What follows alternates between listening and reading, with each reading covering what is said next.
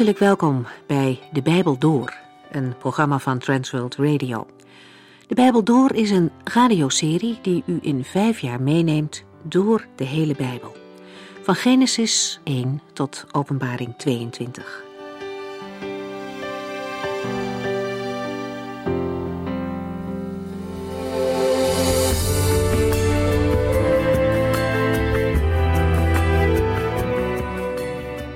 Lieve mensen, welkom.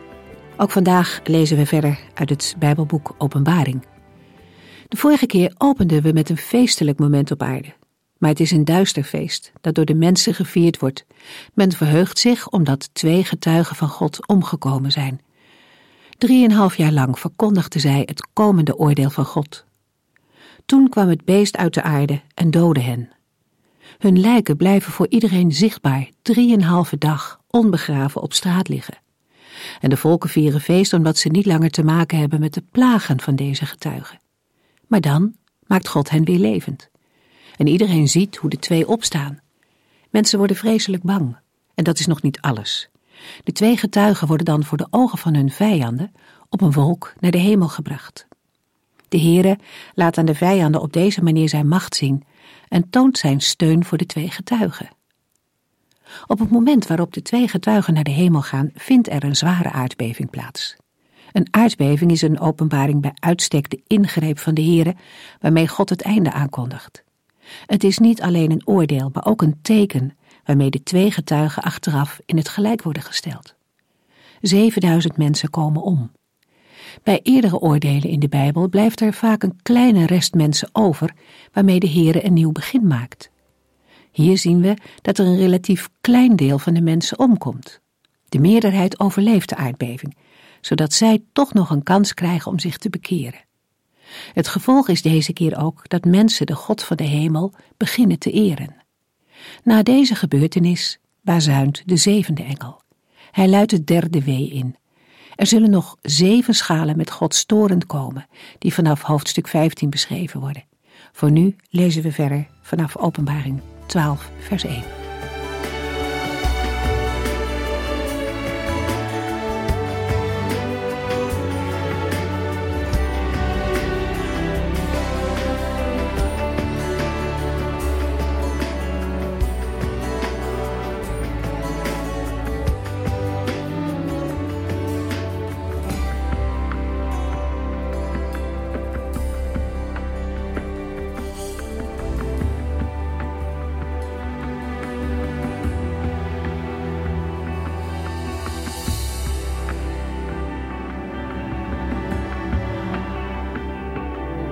De vorige uitzending stonden we stil bij het feit dat de Openbaring 11, vers 19 de overgang vormt van Openbaring 11, vers 15 tot en met 18 naar het in Openbaring 11, vers 14 aangekondigde derde wee.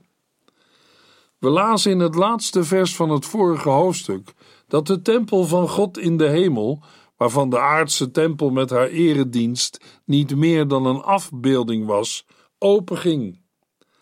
Hetzelfde opengaan gebeurt ook in Openbaring 15, vers 5, waar de zeven engelen bevel krijgen om de zeven schalen met Gods toorn over de aarde uit te gieten.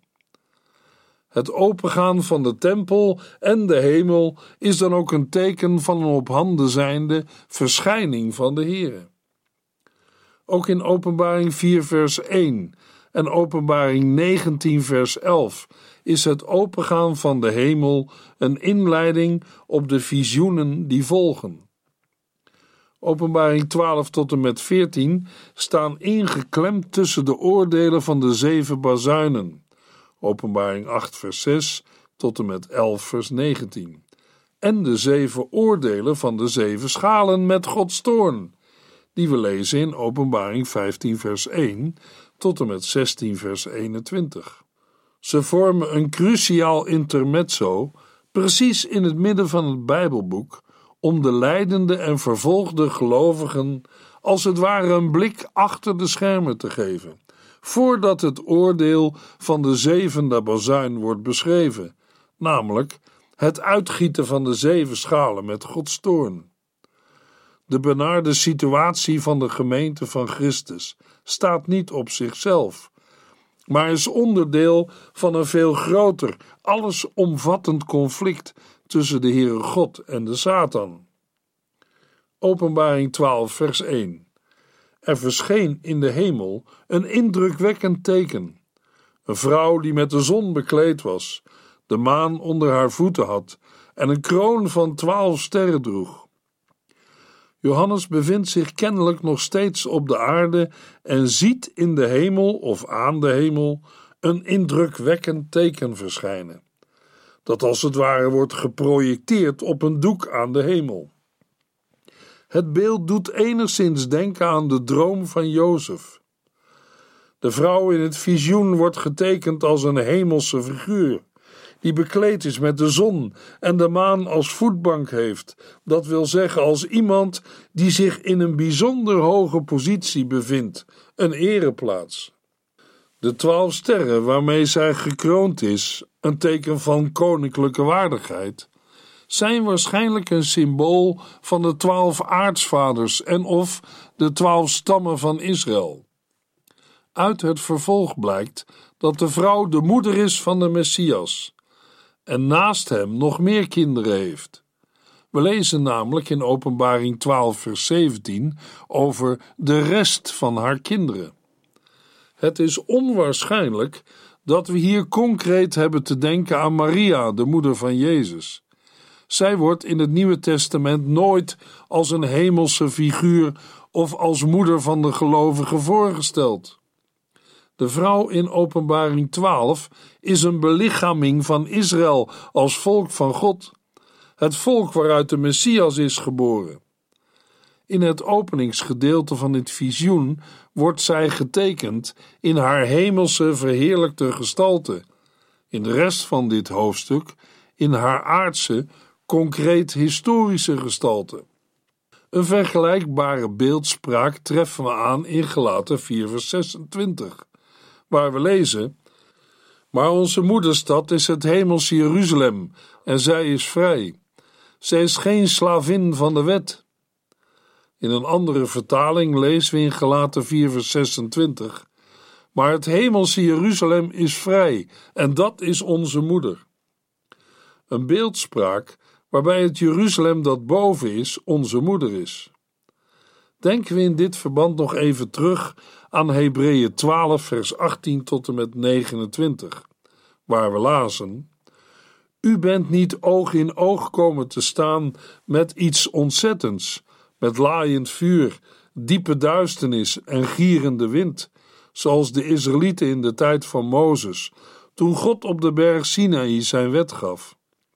U hebt ook geen luid trompetgeschal gehoord of de donderende stem van God. De Israëlieten werden daar zo bang van dat zij God vroegen niets meer tegen hen te zeggen. Zij trilden van angst, omdat God had gezegd: zelfs een dier dat de berg aanraakt zal worden gestenigd. Mozes was zo ontzet door wat hij zag en hoorde, dat hij zei: ik ben zo bang dat ik sta te trillen op mijn benen. Nee, u staat voor de berg Sion en voor de stad van de levende God, het hemelse Jeruzalem, waar tienduizenden engelen wonen. U bent gekomen naar een feestelijke samenkomst van Gods oudste kinderen, die in het bevolkingsregister van de hemel staan. U staat voor God, die de rechter van alle mensen is en voor de geesten van de mensen die volmaakt geworden zijn. U bent naar Jezus gekomen, die ervoor gezorgd heeft dat er een nieuw verbond tussen God en de mensen kwam. Hij heeft daarvoor zijn bloed gegeven, en zijn bloed roept om vergeving in plaats van om wraak, zoals dat van Abel. Pas op dat u God, die tot u spreekt, niet de rug toekeert. Want toen de Israëlieten weigerden te luisteren naar de waarschuwingen van Mozes, die namens God sprak, liep het niet goed met hen af. Maar als wij niet willen luisteren naar wat Jezus Christus zegt, zal het met ons nog veel slechter aflopen. Toen God vanaf de berg Sinai sprak, schudde de aarde van zijn stem. Nog één keer, zegt hij nu, zal ik niet alleen de aarde, maar ook de hemel laten schudden.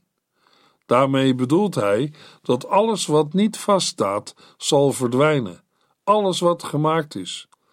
Maar alles wat niet aan het wankelen gebracht kan worden, zal blijven. Omdat wij een blijvend vaderland krijgen, moeten wij dankbaar zijn en God dienen zoals Hij het graag wil, met eerbied en ontzag, want onze God is een verterend vuur. We lezen nog een keer Openbaring 12, vers 1 en direct erachteraan vers 2. Er verscheen in de hemel een indrukwekkend teken. Een vrouw die met de zon bekleed was, de maan onder haar voeten had en een kroon van twaalf sterren droeg. Zij was zwanger en schreeuwde van pijn, omdat de geboorte van haar kind begonnen was. In vers 2 lezen we in de Griekse tekst: De vrouw had een kindje in de buik, wat natuurlijk betekent dat zij zwanger is. De vrouw staat op het punt te bevallen en schreeuwt het uit van de pijn die door de weeën van de geboorte worden veroorzaakt. We gaven al aan dat de vrouw de moeder is van de Messias en naast hem nog meer kinderen heeft. Daarbij is het onwaarschijnlijk dat we bij de vrouw concreet moeten denken aan Maria, de moeder van Jezus. Zij wordt in het Nieuwe Testament nooit als een hemelse figuur of als moeder van de gelovigen voorgesteld, wel als een begenadigde vrouw. De vrouw in Openbaring 12 is een belichaming van Israël als het volk van God, het volk waaruit de Messias is geboren. Ook in het Oude Testament wordt Israël vaker vergeleken met een zwangere vrouw. We lezen in Jesaja 26 vers 16 en 17 in het lied van Juda: Here, in onze wanhoop zochten wij u. Toen uw straf ons trof, riepen wij u aan. Wat misten wij uw aanwezigheid, heren? Wij leden als een vrouw die een kind ter wereld brengt en daarbij schreeuwt en ineenkrimpt van de pijn. Ook in Jesaja 66, vers 7 tot en met 9 lezen we een gelijksoortig voorbeeld. Daar zegt de Heere: Wie heeft ooit zoiets vreemds gezien of gehoord? Want in één dag zal plotseling een volk, Israël, worden geboren, zelfs nog voordat de weeën zijn begonnen. Nauwelijks begon de pijn of de baby was er al. Het volk is ontstaan. Zou ik de geboorte op gang brengen zonder dat een kind gebaard wordt? vraagt de Heer, uw God. Nee, nooit. Ook in Micha 4, vers 9 tot en met 12 lezen we eenzelfde voorbeeld. Maar waarom schreeuwt u nu zo hard? Waar is uw koning? Waar zijn uw adviseurs? Pijn heeft u overvallen als een vrouw tijdens de bevalling. Krimp ineen en schreeuw het uit van pijn, volk van Sion, want u moet deze stad verlaten en in de velden gaan wonen. U zult in ballingschap naar Babel worden gestuurd, maar daar zult u worden bevrijd. Daar zal de Heer u verlossen van al uw vijanden. Het is waar dat talloze volken één front hebben gevormd tegen u. Zij roepen: Wij willen bloed zien. Wij willen de bevolking van Sion vernietigen. Maar zij kennen de gedachten van de Heer niet en hebben geen begrip voor zijn plannen. Want er komt een moment waarop de Heer alle vijanden van zijn volk zal verzamelen, als koren schoven op de dorsvloer. Opmerkelijk zijn ook de woorden die we lezen in Micha 5, vers 2. God zal zijn volk prijsgeven aan hun vijanden, maar alleen totdat zij, die zwanger is, een kind ter wereld heeft gebracht. Dan zullen de overgebleven ballingen van Juda met hun broeders uit Israël terugkeren naar hun eigen land. Al in het Oude Testament werd de geboorte van de Messias aangekondigd. De daarna uitgesproken profetie: dan zullen de overgebleven ballingen van Juda met hun broeders uit Israël terugkeren naar hun eigen land, is nog steeds niet in letterlijke zin uitgekomen. We mogen er een profetie in horen van het ene volk van God aan het einde van de tijd. Zij zullen samen, Joden en niet-Joden, de Heere dienen en hem loven en prijzen voor zijn grote daden en wonderen. Dat neemt niet weg dat ook in onze tijd veel Joden terugkeren naar hun eigen land. De helft is er al, nu de andere helft nog. Bid voor de vrede van Jeruzalem, dat ieder die van de stad houdt rust mag ervaren. We in Openbaring 12: Er verscheen in de hemel een indrukwekkend teken. Een vrouw die met de zon bekleed was, de maan onder haar voeten had en een kroon van twaalf sterren droeg. Zij was zwanger en schreeuwde van de pijn, omdat de geboorte van haar kind begonnen was. Uit het vervolg van Openbaring 5 blijkt dat het gaat om de geboorte van de Messias.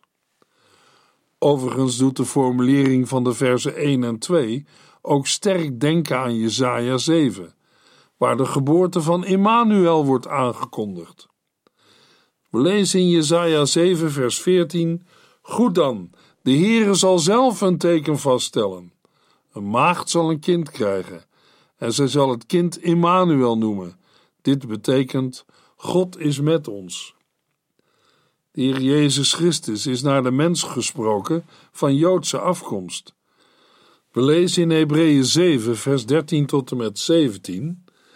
Wij weten allemaal dat Christus niet bij de priesterstam van Levi hoort, maar bij de stam van Juda. En Mozes heeft niet gezegd dat de mannen van die stam priester moesten zijn. Het is dus duidelijk dat God een andere weg is ingeslagen. Christus, de nieuwe hoge priester van dezelfde rang als Melchizedek, is geen priester geworden op grond van afstamming, zoals de wet eist, maar op grond van zijn onvergankelijke leven. Van hem staat er geschreven: U bent de eeuwige priester, zoals ook Melchizedek mijn priester was. En de apostel Paulus schrijft in Romeinen 9, vers 4 en 5: De Israëlieten zijn door God aangenomen als zijn kinderen. Ze hebben gezien hoe groot en machtig hij is. Zij weten welk verbond hij met hen heeft gesloten. God heeft hun verteld hoe zij moeten leven en hem kunnen dienen. Zij weten welke beloften hij heeft gedaan. Zij stammen af van de aartsvaders en uit hun midden is, naar de mens gesproken, Christus voortgekomen. Alle lof en eer is daarom voor God die boven alles staat, voor altijd. Amen. De vrouw in Openbaring 12 is een belichaming van Israël als het volk van God, het volk waaruit de Messias geboren is. Openbaring 12, vers 3 en 4. Er verscheen nog een indrukwekkend teken in de hemel. Een grote rode draak met zeven koppen en tien horens. Op elke kop stond een kroon en de staart van de draak veegde een derde deel van de sterren weg en slingerde die naar de aarde. De draak stond voor de vrouw om haar kind te verslinden zodra het geboren was. Er verschijnt een tweede teken in de hemel. Johannes ziet een grote rode of vurige draak met zeven koppen en tien horens. Een voorstelling die sterk doet denken aan het vierde dier in de nachtgezichten van Daniel, dat eveneens tien horens had. In Openbaring 13, vers 1 wordt ook de handlanger van de draak, het beest, beschreven als een monster met tien horens en zeven koppen en op zijn koppen tien kronen. En in Openbaring 17, vers 3 wordt het rode beest waarop de grote hoer zit omschreven als een monster met zeven koppen en tien horens. Hoe de tien horens zich tot de zeven koppen verhouden, is niet precies duidelijk. Heeft één van de zeven koppen vier horens en de rest één, of zijn er misschien drie koppen met twee horens en vier met één? Dat de draak zeven koppen heeft, wijst in elk geval op de enorme vitaliteit van het monster. Een hoorn is het symbool van kracht. In de Griekse tekst van Lucas 1, vers 69 lezen we: En hij heeft een hoorn van de behoudenis voor ons opgericht in het huis van David, zijn knecht. In het Oude Testament is de hoorn van bijvoorbeeld een stier of een wilde os symbool van kracht. Door vervaarlijk met zijn horens te stoten, demonstreert het beest zijn macht of overmacht op de vijand. God zelf wordt in het Oude Testament de hoorn van mijn verlossing of de hoorn des heils genoemd. En de uitdrukking een hoorn van heil oprichten is een geliefd beeld om Gods indrukwekkende uitredding van zijn volk te bezingen. Maar al in het Oude Testament wordt de beeldspraak van de hoorn van het heil ook betrokken op Gods gezalfde, de komende Messias. De hoorn van de verlossing of van het heil is dan ook een synoniem van Messias. In dit verband kunnen we de uitdrukking hij heeft een hoorn van het heil opgericht ook opvatten als hij heeft de Messias in het leven geroepen of aangesteld. Andere Bijbelvertalingen schrijven: Hij heeft gezorgd voor een machtige redder. We lazen in de Griekse tekst van Lucas 1, vers 69.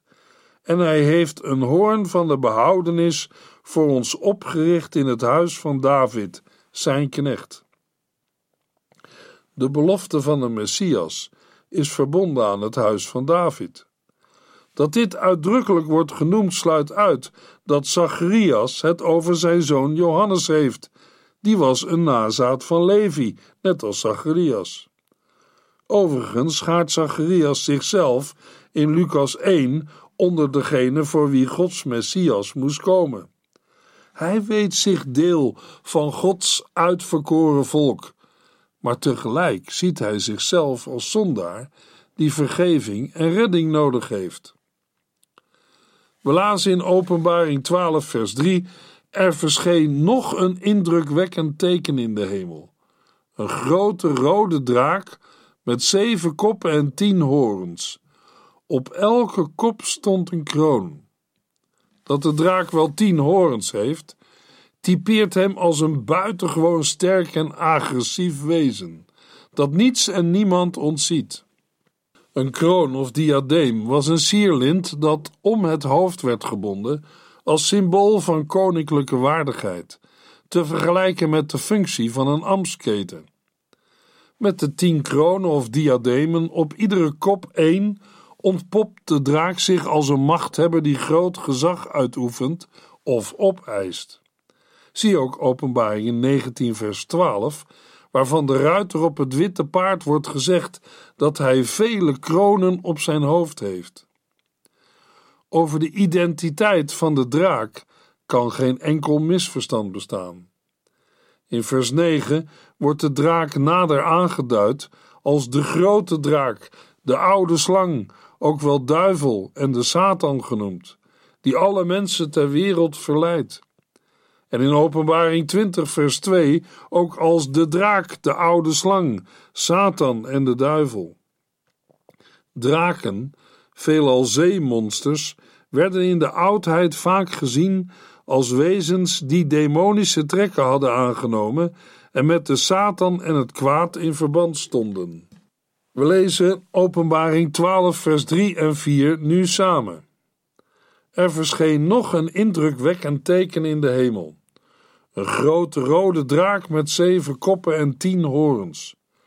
Op elke kop stond een kroon en de staart van de draak veegde een derde deel van de sterren weg en slingerde die naar de aarde. De draak stond voor de vrouw om haar kind te verslinden zodra het geboren was.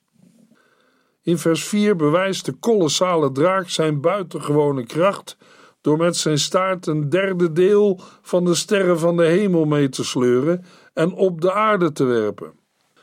Omdat sterren in de oudheid veelal in verband werden gebracht met engelen, is het niet onmogelijk dat we hier te maken hebben met een bedekte beschrijving van de oorspronkelijke val van de engelen, in tegenstelling tot die in Openbaring 12, vers 7. Verder is het ook mogelijk dat het beeld herinnert aan het visioen in Daniel 8, vers 10, waar een van de horens van de geitenbok zulke grote proporties aanneemt dat hij er de sterren van de hemel mee deed vallen. Het instorten van de sterrenhemel is dan een aanwijzing dat er gebeurtenissen op komst zijn van een ongekende orde. De draak stelt zich dreigend voor de vrouw op, in afwachting van het moment van de geboorte van het kind, om dat te verslinden zodra het geboren is. De in het Grieks gebruikte woorden doen sterk denken aan de Griekse versie van Jeremia 28, vers 34 uit de Septuaginta. Dit Bijbelgedeelte vinden we in onze Bijbels niet, omdat de Septuaginta op een aantal plaatsen een andere versindeling heeft. Maar de woorden komen overeen met Jeremia 51, vers 34, waar we lezen: Verslonden heeft mij Nebukadnessar, de koning van Babel. Hij heeft mij ingeslokt als een draak. In het boek lezen we voor draak de woorden groot monster. Veelal wordt bij deze actie van de draak in Openbaring 12, vers 4 verwezen naar de pogingen die koning Herodes in het werk stelde om het kindje Jezus te doden. Maar die vergelijking gaat alleen ten dele op. Het beeld dat getekend wordt, wil niet meer dan de grote kracht en agressie van de draak tot uitdrukking brengen. Openbaring 12, vers 5. De vrouw bracht een jongen ter wereld, die alle volken van de wereld met een ijzeren staf zal regeren. Maar het kind werd van haar weggerukt en naar de troon van God gebracht. De typering van de Messias als iemand die alle volken van de wereld met een ijzeren staf zal regeren, is ontleend aan Psalm 2, vers 9 en ziet op de toekomstige wereldheerschappij van de Messias, die in Openbaring 12 wordt getekend als een herdersvorst. Dat het kind in het visioen kennelijk direct na de geboorte wordt weggerukt van de aarde, duidt op een reddend ingrijpen van Gods wegen. Zo wordt tot uitdrukking gebracht dat alle aanslagen die Satan op de Messias uitvoert, tot mislukken zijn gedoemd omdat de Messias onder Gods bijzondere zorg en bescherming staat. In de volgende uitzending lezen we verder in Openbaring 12.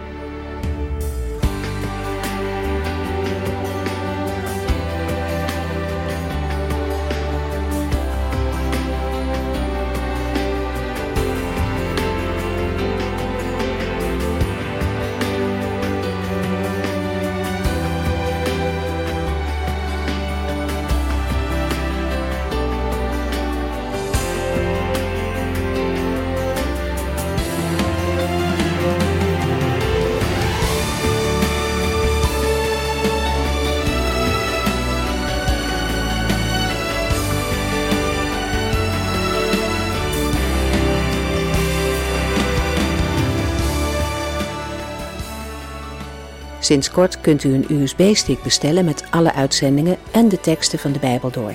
Ons adres volgt in de afkondiging. U heeft geluisterd naar De Bijbel Door. In het Nederlands vertaald en bewerkt door Transworld Radio. Een programma waarin we in vijf jaar tijd de hele Bijbel doorgaan. Als u wilt reageren op deze uitzending of u heeft vragen, dan kunt u contact met ons opnemen.